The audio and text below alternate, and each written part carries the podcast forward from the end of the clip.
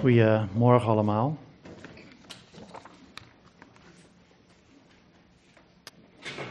Ik wil met uh, jullie gaan nadenken over een, uh, een stuk uit uh, Lucas 17. En dat gaat over de tien melaatsen. Dus Lucas 17. En dan wil ik gaan lezen vanaf vers 11. En het gebeurde toen hij, dat is Jezus, naar Jeruzalem reisde, dat hij dwars door Samaria en Galilea heen trok. En toen hij een zeker dorp wilde binnengaan, kwamen tien Melaatse mannen naar hem toe, die op een afstand bleven staan. En zij verhieven hun stem en zeiden, Jezus, meester, ontferm u over ons. En toen hij hen zag, zei hij tegen hen, ga heen en toon u zelf aan de priesters. En het gebeurde terwijl zij heen gingen, dat zij gereinigd werden. En toen een van hen zag dat hij genezen was, keerde hij terug, terwijl hij met luide stem God verheerlijkte. En hij wierp zich met het gezicht ter aarde voor zijn voeten en dankte hem. En dit was een Samaritaan. Toen antwoordde Jezus en zei: Zijn niet de tien gereinigd? Waar zijn de negen anderen? Zijn er dan geen anderen gevonden die terugkeren om God de eer te geven dan deze vreemdeling? En hij zei tegen hem: Sta op, ga heen, uw geloof heeft u behouden. Het gaat uh, vanmorgen over uh, melaatsheid, tien melaatse mannen. Uh, en melaatsheid is, nou ja, een afschuwelijke ziekte. Wij kennen het eigenlijk niet echt van hier uh, dichtbij. In Nederland komt het volgens mij niet voor. In Europa ook uh, uh, niet meer. Maar het is een afschuwelijke ziekte. En als je de voorbeelden uit de Bijbel bekijkt, dan zie je dat ook. Je huid wordt aangetast en langzaam verspreidt zich dat over je hele lichaam. En op een gegeven moment worden ook ledematen ehm, verminkt. Melaatsen moesten met hun mond bedekt leven en uh, hun kleren moesten gescheurd zijn. Dat zijn allebei tekenen van rouw en zo moesten ze leven. En misschien wel een van de ergste dingen was dat ze afgezonderd moesten leven van, uh, van de mensen. Dus tijdens de woestijnreis moesten ze afgezonderd leven van het kamp. En toen ze in Israël woonden, moesten de Melaatse mensen buiten de dorpen, buiten de steden wonen. En ze waren afgescheiden van de mensen, afgescheiden ook van, van hun geliefden. Je moet je voorstellen, als je getrouwd bent, gezin hebt, kinderen en je wordt melaats, moet je uit je gezin, moet je buiten de stad gaan wonen. En het zorgde voor een enorme scheiding. Melaatsen stonden eigenlijk met één been in het graf. En ik kwam uh, bij de voorbereiding een citaat tegen van uh, jo, Josephus. dat is een geschiedschrijver die in de eerste eeuw leefde. En hij zegt, zij, wier lichamen door lepra aangetast waren, werden door de wet van Mozes uit de stad van verbannen. Ze hebben met niemand omgang en onderscheiden zich in niets van doden. En dat is een beetje wat hun leven tekent. Het is bijzonder als we de wet van Mozes gaan bekijken dat er, uh, dat er bijzonder aandacht is voor uh, melaatsheid. We kunnen dat lezen in Leviticus 13 en 14, twee hele hoofdstukken zijn daar gewijd. Uh, en het ene hoofdstuk gaat over het doen van onderzoek. Dus als iemand ziek wordt, is dat melaatsheid? Is diegene rein of onrein? En het andere hoofdstuk, uh, hoofdstuk 14, gaat over het reinigingsritueel. Iemand die melaatsheid heeft gehad en die is genezen, uh, dan is daar een ritueel bij om die persoon rein te verklaren. En ik wil een paar versen met jullie lezen uit Leviticus 13 en ook een paar uit hoofdstuk 14. En daar zal ik uh, door de preek heen ook nog op terugkomen. Dus Leviticus 13 en uh, vers 1 en 2 wil ik eerst lezen. En het is goed om daar even een bladwijzer blad, uh, bij te leggen. Daar komen we nog een paar keer op terug.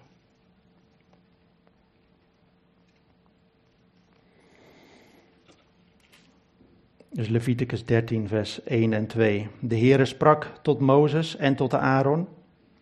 Wanneer er op de huid van het lichaam van een mens een zwelling of zweer of witte vlek verschijnt, die op de huid van zijn lichaam tot de ziekte van melaatsheid kan leiden, dan moet hij naar de priester gaan, naar de priester Aaron of naar een van zijn zonen, de priesters, gebracht worden. En dan vers 45 en 46 uit datzelfde hoofdstuk. De kleren van de melaatse bij wie de ziekte is vastgesteld moeten ingescheurd worden. Zijn hoofdhaar moet hij los laten hangen. Hij moet zijn baard en snor bedekken en hij moet roepen: onrein, onrein. Alle dagen dat hij de ziekte heeft, zal hij onrein zijn. Onrein is hij. Hij moet afgezonderd wonen. Buiten het kamp moet zijn woongebied zijn. En dan uh, wil ik uit vers 14 de eerste zeven versen nog lezen. Hoofdstuk 14, de eerste zeven versen. En de Heere sprak tot Mozes, dit is de wet voor de melaatse op de dag van zijn reiniging. Hij moet naar de priester gebracht worden en de priester moet buiten het kamp gaan. En heeft de priester vervolgens gezien dat, zie, de ziekte van de melaatsheid bij de melaatse genezen is, dan moet de priester opdracht geven dat men voor hem die gereinigd wordt twee levende reine vogels neemt, cederhout, karmozijn en hyssop. De priester moet dan opdracht geven dat men de ene vogel slacht boven een aardepot met bronwater. Dan moet hij de levende vogel nemen met het cederhout, het karmozijn en de hyssop. Hij moet dat alles met de levende vogel dopen in het bloed van de vogel die boven het bronwater geslacht is. En hij moet hiermee zevenmaal sprenkelen op hem die van de melaatsheid gereinigd wordt. Daarna moet hij hem rein verklaren en de, vogel, de, de levende vogel in het open veld weg laten vliegen. Nou, deze twee hoofdstukken zijn, zijn beide heel lang en uh, er wordt uitgebreid ingegaan op hoe uh, goed beoordeeld kan worden dat iemand echt melaats is. Um, en melaatsheid in dit hoofdstuk wijst waarschijnlijk op een groep van huidziekten. Dus uh, of het echt de melaatsheid is die uh, we nu kennen, dat is, dat is nog de vraag. In ieder geval moest de priester uh, goed onderzoek doen. En als de ziekte genezen was, dan kon die persoon rein verklaard worden. En het is eigenlijk medisch gezien een hele vooruitstrevende wet. En er was in die tijd nog helemaal niets bekend over bacteriën, over virussen. En um, tijdens mijn uh, voorbereiding kwam ik ook een uh, citaat tegen van prof, professor Karl Südhof. Die leefde aan het begin van de 20e eeuw.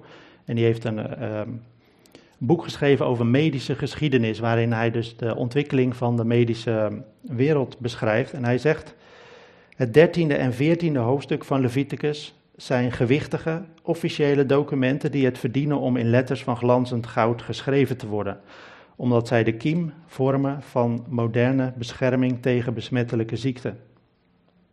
En je ziet eigenlijk dat door die afzondering dat de ziekte zich veel minder kon verspreiden in het volk. Ze moesten een doek voor uh, de mond doen, afstand bewaren.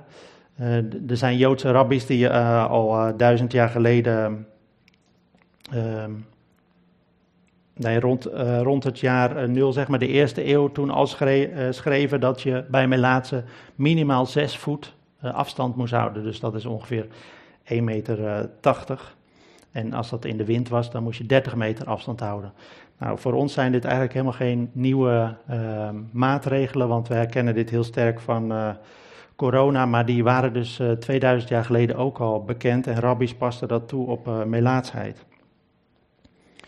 Ons woord melaats komt eigenlijk van uh, een Frans woord, wat betekent uh, de ziekte van Lazarus. En dus de, de gelijkenis van Lazarus en de rijke man, daar is Lazarus ziek en hij ligt aan de poort te bedelen. En daar wordt gedacht, van gedacht dat hij melaats is of dat dat helemaal klopt. Dat, uh, dat weten we niet zeker. In ieder geval is hij als voorbeeld genomen voor een, een melaatse in de Bijbel. En melaat zijn in onze tijd is eigenlijk hetzelfde als lepra. Uh, en dat is ook een ziekte die eigenlijk uh, een aantal eeuwen voor uh, Christus ontstaat. en in de middeleeuwen heeft dat enorm rondgewoekerd in, in Europa en ook in Nederland. Het hoogtepunt was ergens rond de 13e eeuw, waarin er heel veel melaatsheid was in Europa. En er was veel bijgeloof. Ze dacht men dat het kwam door het eten van pepers bijvoorbeeld. En, en mensen waren heel bang om die ziekte te krijgen. En op een gegeven moment grijpt de kerk in en die gaan de regels van Leviticus gaan ze toepassen op lepra. Uh, en dus ook mensen afzonderen in aparte, uh, zoals dat heette, leprozenhuizen plaatsen buiten de stadsmuur. In, in Gouda, waar ik dan vandaan kom, daar weet ik ook een plek waar buiten de stadsmuur een leprozenhuis heeft gestaan in die tijd. Ehm, dus vanuit de kerk werd er zorg besteed aan de plek van die uh, melaatse, die lepra-patiënten. En dat begon eigenlijk die ziekte heel erg in te dammen. En je kon zien dat die wetten uit Leviticus 13 en 14 nog steeds uh, werkten in de praktijk. En je zag onder de bevolking eigenlijk een houding van angst en uh, van uh, zorg. Dus aan de ene kant waren ze heel bang om ook melaats te worden, om die lepra te krijgen. En aan de andere kant zag je juist dat mensen zorg besteden en aparte huizen voor hen bouwden en ja, naar hen omzag. Ehm, ze dachten eigenlijk, net als Lazarus, die uh, als hij sterft in de hemel komt, zo dachten ze, alle lepra-patiënten die komen zo bij God, net als Lazarus. Dus het uh, vooruitzicht voor een lepra-patiënt was in die, dat opzicht in de middeleeuwen niet zo slecht. En dat omzien belangrijk is, dat kunnen we eigenlijk ook uh, zien in het gedeelte wat we vanmorgen gelezen hebben. Jezus die ziet om naar de melaatse. En hier uh, in het gedeelte wat we gelezen hebben in uh, Lucas 17, ik moet even weer erbij pakken. En daar komt Jezus tien Melaatse mannen tegen. En hij is op weg naar Jeruzalem en hij gaat door Samaria en ergens uh, bij een dorp. Als hij dat dorp wil binnengaan, hij is nog buiten dat dorp.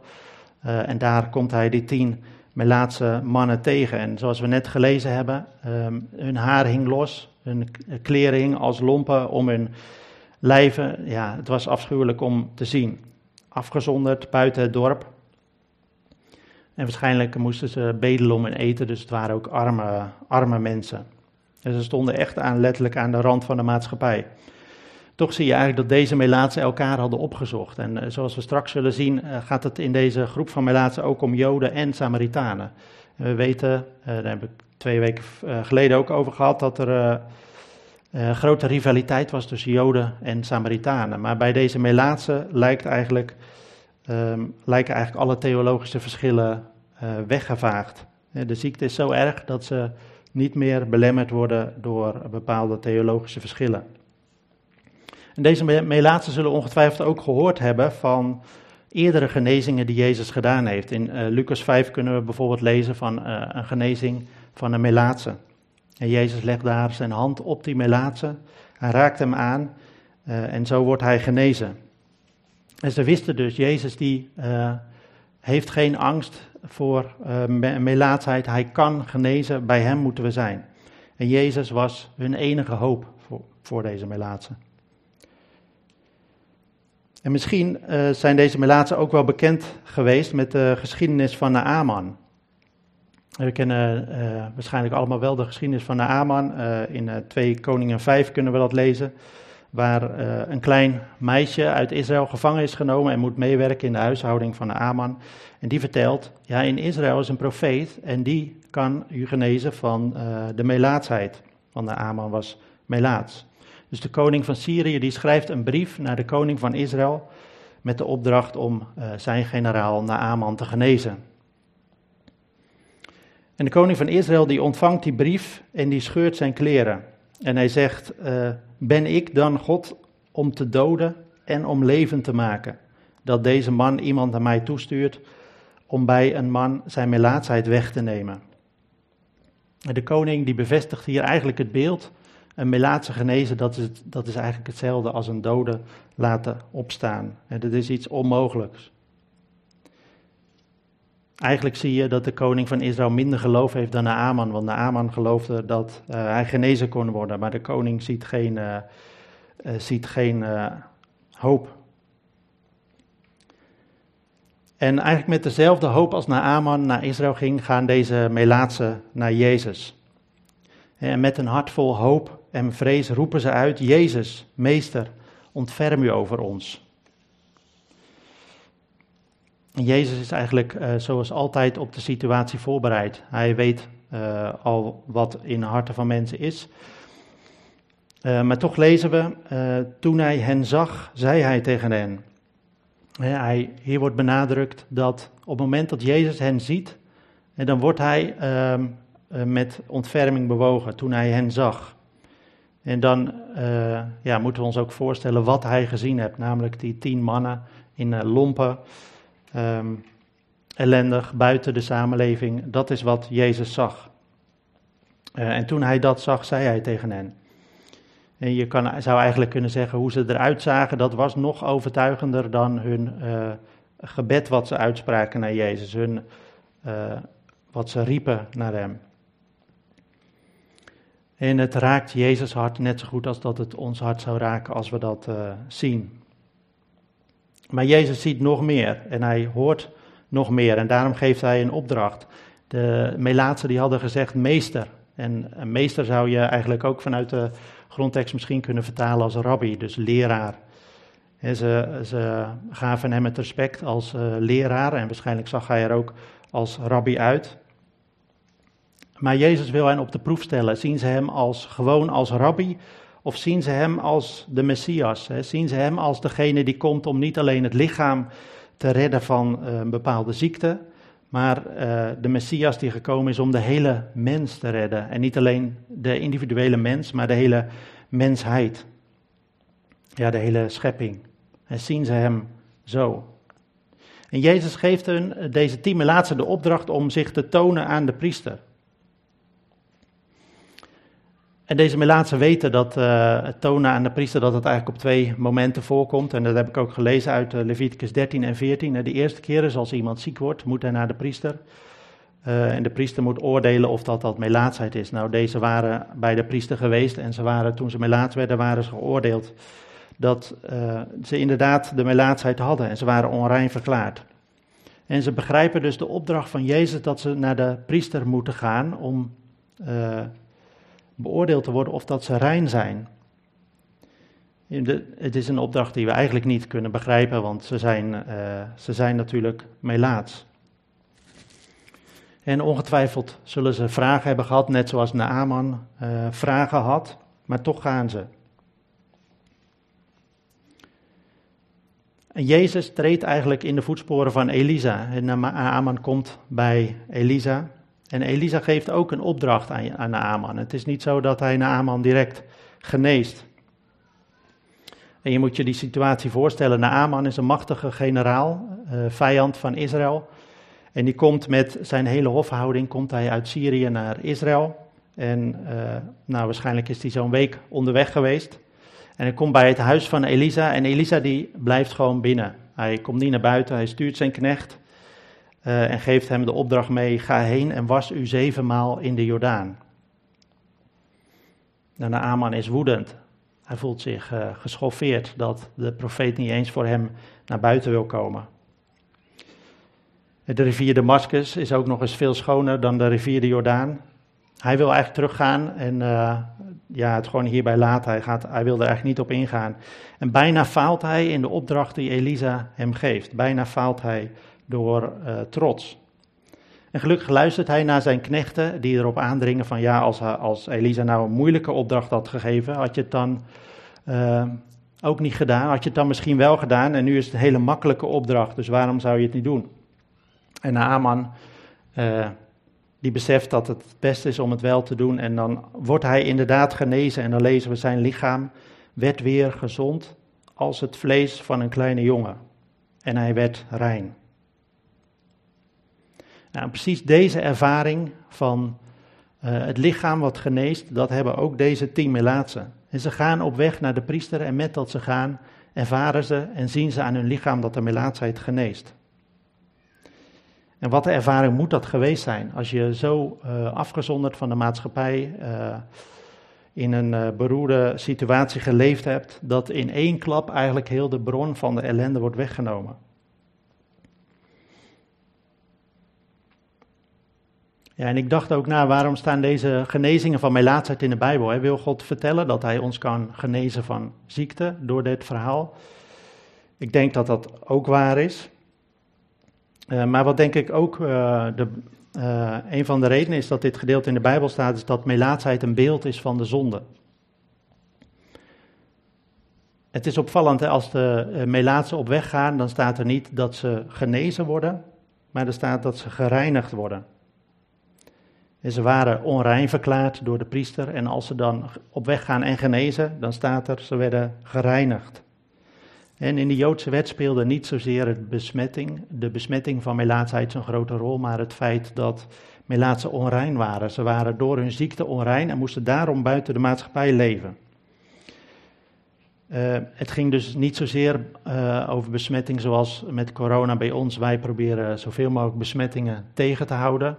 En dat is ook uh, logisch en goed. Maar het is niet zoals hier in het midden van ons corona is dat God niet meer in ons midden wil zijn. Maar dat was feitelijk wel zo wat in Israël was. Als er een melaatse in het midden was, een onreine, God, daar kon God niet bij zijn. God woonde in het midden van Israël en wilde een rein volk om zich heen hebben. Zoals ik al zei, corona dat zorgt niet uh, voor onreinheid. En God geeft eigenlijk door Israël en door uh, de wet een voorbeeld of een afbeelding. Uh, en God spreekt door deze afbeeldingen tot ons. Dus een letterlijke afbeelding van de ziekte. Daarmee wil God ons geestelijke dingen uitleggen. Het is daarom ook niet zo dat deze tien Melaatse zondiger zijn dan andere mensen. Hè. Hun was, hun, zij waren nu besmet met deze zonde, maar dat betekent niet dat ze zondiger waren dan andere mensen. Ze, uh, ja, je kan in dit gedeelte niet een aanleiding vinden dat deze melaatsheid een straf was. Het, is in het algemeen een beeld van de, voor de zonde. En ik vond verder eigenlijk vier aanwijzingen in de Bijbel waarom melaatsheid een... Uh, uh, ja, een beeld is van de zonde. En die wil ik ook uh, benoemen. Als, als eerste eigenlijk de melaatsheid misvormt. Je huid, uh, je ledematen worden verminkt. Um, als de ziekte zeg maar doorgaat, dan treedt er op een gegeven moment gevoelloosheid in. Je krijgt geen gevoel meer in je handen, in je voeten. En in echte vergevorderd stadium dan treedt ook blindheid op. En ik dacht hoe wij naar melaatsheid aan de buitenkant kijken, zo kijkt God tegen zonde aan. En zonde uh, zorg gaat langzaam ook door ons hele lichaam heen. Het zorgt voor gevoelloos. We worden gevoelloos voor de dingen van God. Uiteindelijk worden we blind. En dat is hoe God zonde ziet. Uh, de tweede aanwijzing dat melaatsheid een beeld is van de zonde, is dat het soms als straf gebruikt wordt. Dus melaatsheid wordt een aantal keer in de Bijbel als straf genoemd op een zonde. En we lezen dat uh, onder andere bij Mirjam als ze opstaat tegen het gezag van Mozes. Dan is ze zeven dagen ziek. En ik denk dat die ziekte laat, dat God met die ziekte wil laten zien wat er geestelijk aan de hand is. Dus de ziekte laat zien dat er uh, zonde is. En Mirjam is onrein en moet zeven dagen buiten het kamp zijn en daarna uh, wordt de ziekte genezen. Uh, en de derde aanwijzing vond ik uh, bij David. Uh, David legt eigenlijk een verband tussen zonde en melaatsheid. En dat kunnen we lezen in Psalm 51. Ik zal daar lezen vanaf vers 4, waar David zegt, dat is eigenlijk net na de zonde met Bathseba, waarin hij dan een gebed uitspreekt naar God. Was mij schoon van mijn ongerechtigheid Reinig mij van mijn zonde, want ik ken mijn overtredingen, mijn zonde staat mij voortdurend voor ogen. Tegen u, u alleen heb ik gezondigd. Ik heb gedaan wat kwaad is in uw ogen, zodat u rechtvaardig bent wanneer u recht spreekt en rein bent wanneer u oordeelt. Zie, ik ben in ongerechtigheid geboren, in zonde heeft mijn moeder mij ontvangen. Ontzondig mij met hyssop, dan zal ik rein zijn, was mij, dan zal ik witter zijn dan sneeuw. Nou, en dat laatste, witter dan sneeuw, dat is een uitdrukking die juist ook gebruikt wordt voor melaatsen. Het, het, lijkt hier te staan in verband met het rein zijn, maar het is duidelijk een aanwijzing dat uh, David uh, hier ook naar melaatsheid wijst. Ook zegt David, ontzondig mij met hyssop. En hyssop was een van de dingen die uh, de priester moest gebruiken bij de reiniging van de melaatse. Hyssop is een klein plantje, een, een soort kruid wat, uh, wat veel lijkt op uh, wat wij ook wel eens in de keuken gebruiken, ma mariolijn. Uh, een heel klein plantje. Maar wat wel handig was als je iets met water wilde besprenkelen. En we lezen van die hyssop in Leviticus 14, vers 6. En dat, dat heb ik aan het begin ook al gelezen. Maar ik zal dat herhalen. daar staat: Dan moet hij, de priester, vier dingen nemen: de levende vogel nemen, het zederhout, het karmozijn en de hyssop Hij moet dat alles met de levende vogel dopen in het bloed van de vogel die boven het bronwater geslacht is. En hij moet hiermee zevenmaal sprenkelen op hem die van melaatsheid gereinigd wordt. Dan moet hij hem rein verklaren. En de levende vogel in het open veld weg laten vliegen. Het is eigenlijk de enige keer dat er met hyssop op mensen gesprenkeld wordt. Dat is uh, bij de melaatsheid. En in het gedeelte in Psalm 51, daar uh, lezen we eigenlijk dat David zijn zonde inziet. Hij erkent zijn zonde en niet alleen in de zin van uh, ik heb een fout gedaan, dit had ik niet mogen doen, een misstap. Maar hij gaat veel verder. Hij zegt eigenlijk de zonde die zit in mijn hart. Hè. Er is een bron van zonde in mijn hart. en ik ben in zonde ter wereld gekomen. En God is eigenlijk rechtvaardig als hij mij oordeelt. Dat uh, zegt hij er ook bij. En daar, uh, dat lijkt eigenlijk heel erg op wat Paulus ook zegt. Als Paulus in Romeinen 3 tot de conclusie komt dat heel de wereld uh, doemwaardig is voor God.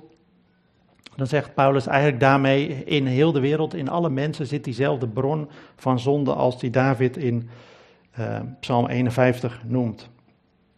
Daarmee is eigenlijk heel de wereld doemwaardig voor God. En dat doemwaardig, dat betekent eigenlijk uh, dat uh, we niet bij God mogen komen. Dus God plaatst ons op een afstand. afstand. Hij, uh, we zijn eigenlijk gedoemd om afgescheiden van God te leven.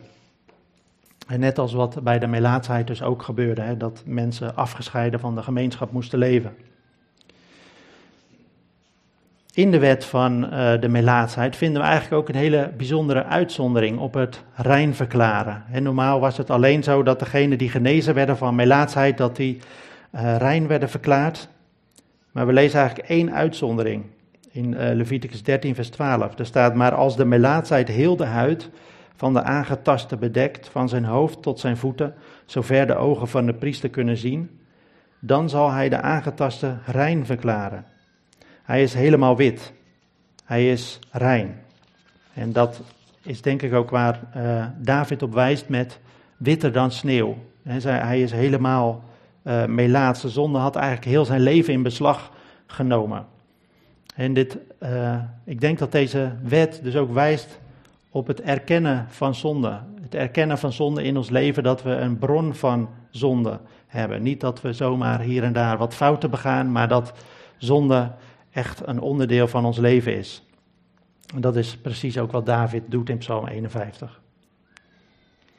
De vierde aanwijzing, uh, dat melaatsheid een beeld voor de zonde is, die, die vinden we eigenlijk in de vier dingen die ik genoemd heb bij de reiniging van de melaatsheid. Namelijk de vogels, het zederhout, uh, de karmozijn en de hyssop. En deze vier dingen die wijzen op de enige manier dat je van zonde gereinigd kan worden. Deze vier dingen die bij de reiniging van melaatsheid werden gebruikt, die wijzen op de enige manier hoe wij gereinigd kunnen worden van zonde. Namelijk op het offer van Jezus aan het kruis. En er staat dat er hyssop en cederhout werd gebruikt. En hyssop, zoals ik net zei, is een heel klein plantje, een nederig plantje, dat groeit uh, uit de muur. En cederbomen, en dat zijn uh, uh, machtige grote bomen die op de Libanon groeiden. En we lezen daarover in, uh, in 1 Koningen 4, waarvan Salomo gezegd wordt, hij sprak ook over de bomen van de ceder die op de Libanon groeit, tot de hyssop die uit de muur komt.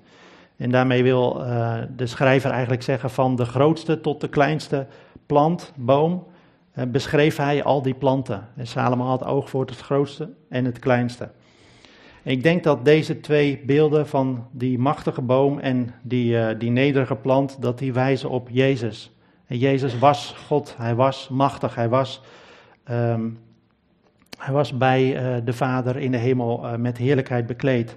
En hij werd mens, nederig en uh, klein. Dus ik denk dat deze twee beelden op de, de weg wijzen die Jezus is gegaan van God naar mens. Het andere ding wat gebruikt moet worden is karmozijn. En dat is een stukje stof wat rood geverfd is.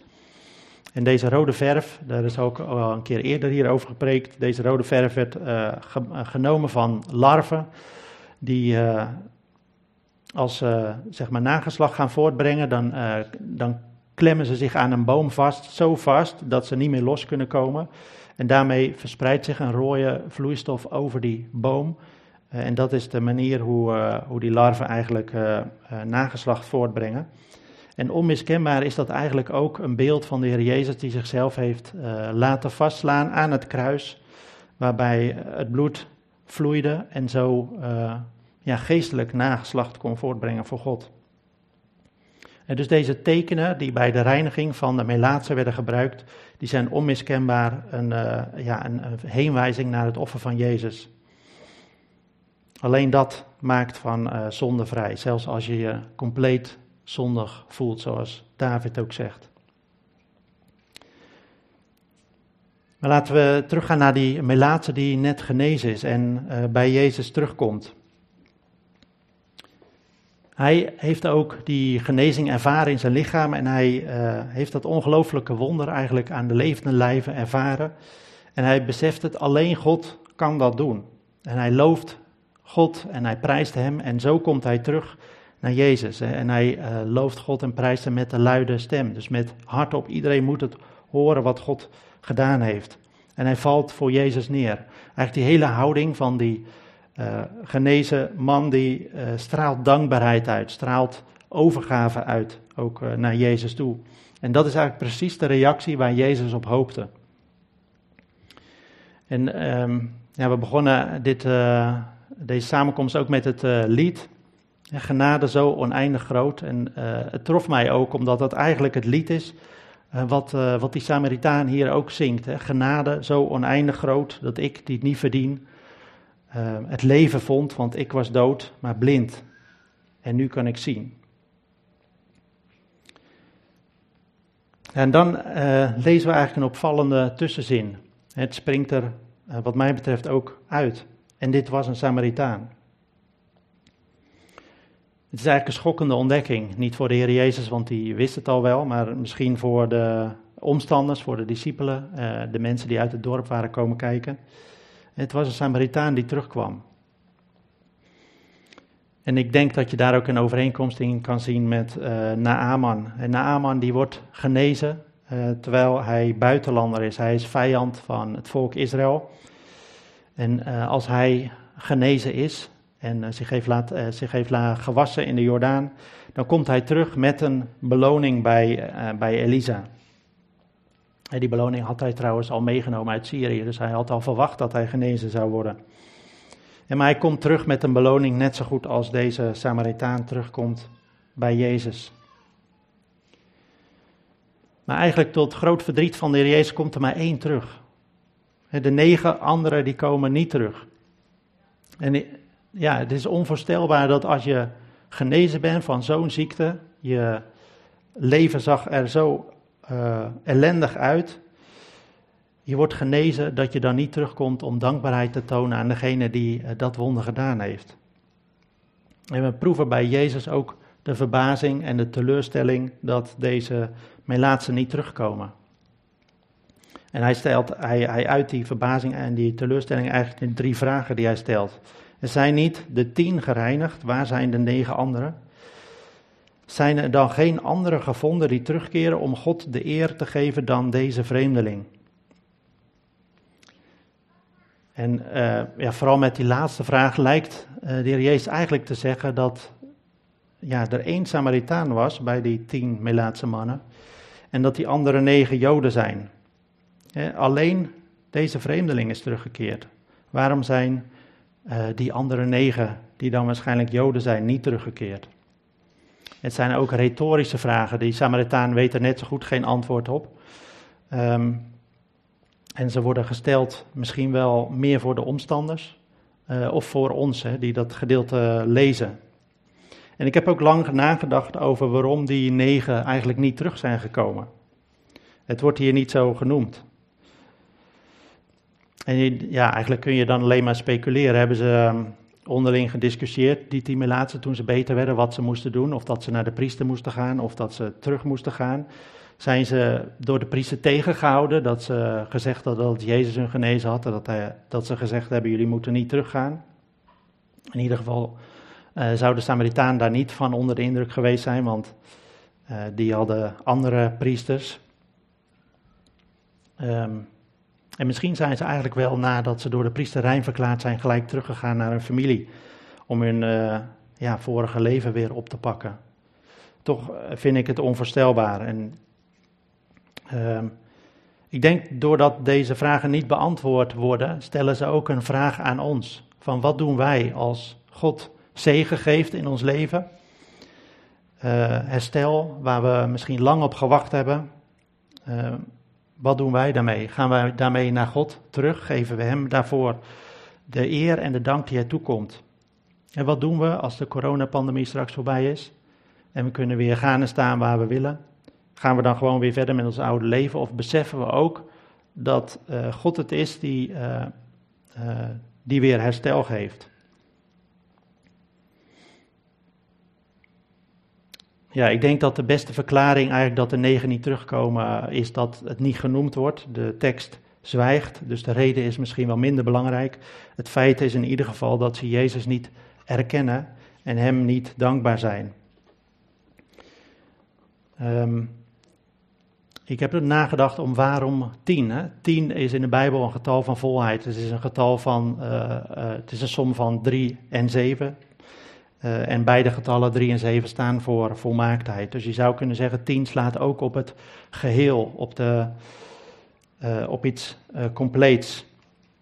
En ik denk dat je dat mag toepassen op de hele mensheid, hè, waar die zondig is. Net zoals deze 10 melaat zijn, zo is de hele mensheid zondig. en Jezus wil de hele mensheid genezen van die zonde. Heeft, hij, dat heeft hij laten zien en ook gedaan daadwerkelijk aan het kruis. Het opvallende is dat juist een onverwachte uh, teruggaat naar God. die Samaritaan waarvan we het niet verwacht hadden, die gaat terug om God de eer te geven. En we lezen dat eigenlijk ook steeds op andere plekken in het evangelie. De hoeren, de tollenaren, de mensen die buiten staan, die lijken gehoorzamer. En ook heidenen die gehoorzamer lijken dan Joden. Uh, het feit dat er geen antwoord op komt, is denk ik ook een, uh, ja, doordat de vraag open blijft staan, is denk ik ook een, uh, een, dat dit gedeelte een profetische lading krijgt. De negen die niet terugkomen, de, die waarschijnlijk Joden zijn, die zijn een voorbode van wat Jezus nog gaat overkomen. De vervolging, de tegenstand die hij zal krijgen in Jeruzalem. Het evangelie wat Jezus brengt, dat ervaart weerstand. En juist eigenlijk van de Joodse priesters ja, toch bij de Samaritanen geloven er juist velen. zoals we twee weken geleden ook gezien hebben bij de Samaritaanse vrouw.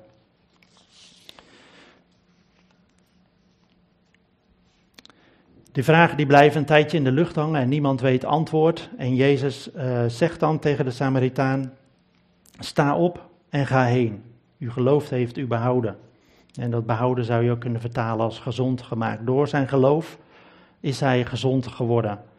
Hij is eigenlijk de enige die die bevestiging krijgt van Jezus. De anderen die um, hebben die niet gekregen omdat ze niet teruggegaan zijn naar Jezus. Je ziet in die houding van de Samaritaan overgave, een teken van geloof. En dit gedeelte maakt ook duidelijk dat geloof, het geloof van de Samaritaan de enige weg is tot redding. Het eerste wat Jezus zegt is sta op. Die Samaritaan stond eigenlijk met één been in het graf. En de genezing is voor hem een opstanding. Hij mag opstaan, ook uh, nu hij voor Jezus op de grond ligt, mag hij opstaan uh, uit het stof. Hij hoeft niet meer verdrietig te zijn, niet meer depressief, maar hij mag uh, met opgeheven hoofd voor God leven, met dankbaarheid en lof voor God. En het tweede wat Jezus zegt is ga heen. Hij krijgt zijn leven terug. Hij mag weer in vrijheid leven. Hij mag weer naar zijn familie terug, weer in de stad komen. Ja, bij de reiniging, bij die vier onderdelen, had ik eigenlijk één deel overgeslagen en dat was die vogel. Eén ehm, vogel moest gedood worden en dat bloed, uh, dat, uh, ja, dat wijst ook op de kruis. En die andere vogel, die werd vrijgelaten. En Christus stierf, zodat wij bevrijd van zonde weer in vrijheid mogen leven, vrij uit mogen gaan. En God wil dat we Hem dienen in vrijheid. En niet van, vanuit de wet, maar in vrijheid. De negen anderen die hoorden dat niet en bleven eigenlijk gebonden aan de wet. Jezus had gezegd, waar zijn die negen anderen? En dat waar, dat slaat denk ik op de wet. En ze waren naar de priester gegaan en bij de priester gebleven. En ze waren niet uh, teruggegaan naar Jezus die de vervuller van de wet is. En voor ieder uh, die hier is en nog uh, nooit zijn leven aan Jezus heeft gegeven, geldt, geldt hetzelfde. Het besef wat de zonde doet in je leven. Als we naar de melaatsheid kijken, dan kunnen we uh, iets zien van het effect van zonde in je leven. En ga naar Jezus, want Hij wil je genezen van zonde en geloof. En als je dat doet, zul je die reiniging in je leven ervaren. En die enorme bevrijding van de macht van de zonde, um, zodat je Hem daarvoor de dank en de eer kan toebrengen. En dan hoef je niet meer voor jezelf te leven, voor de dingen van deze wereld, maar mag je leven voor God in vrijheid. Sta op, ga heen. Uw geloof heeft u behouden. Ik wil afsluiten met de tekst die uh, ja, je ook in Gelaten 5, vers 13 vindt. U bent tot vrijheid geroepen, maar niet tot de vrijheid die aanleiding geeft aan het vlees, maar dien elkaar door de liefde. Amen.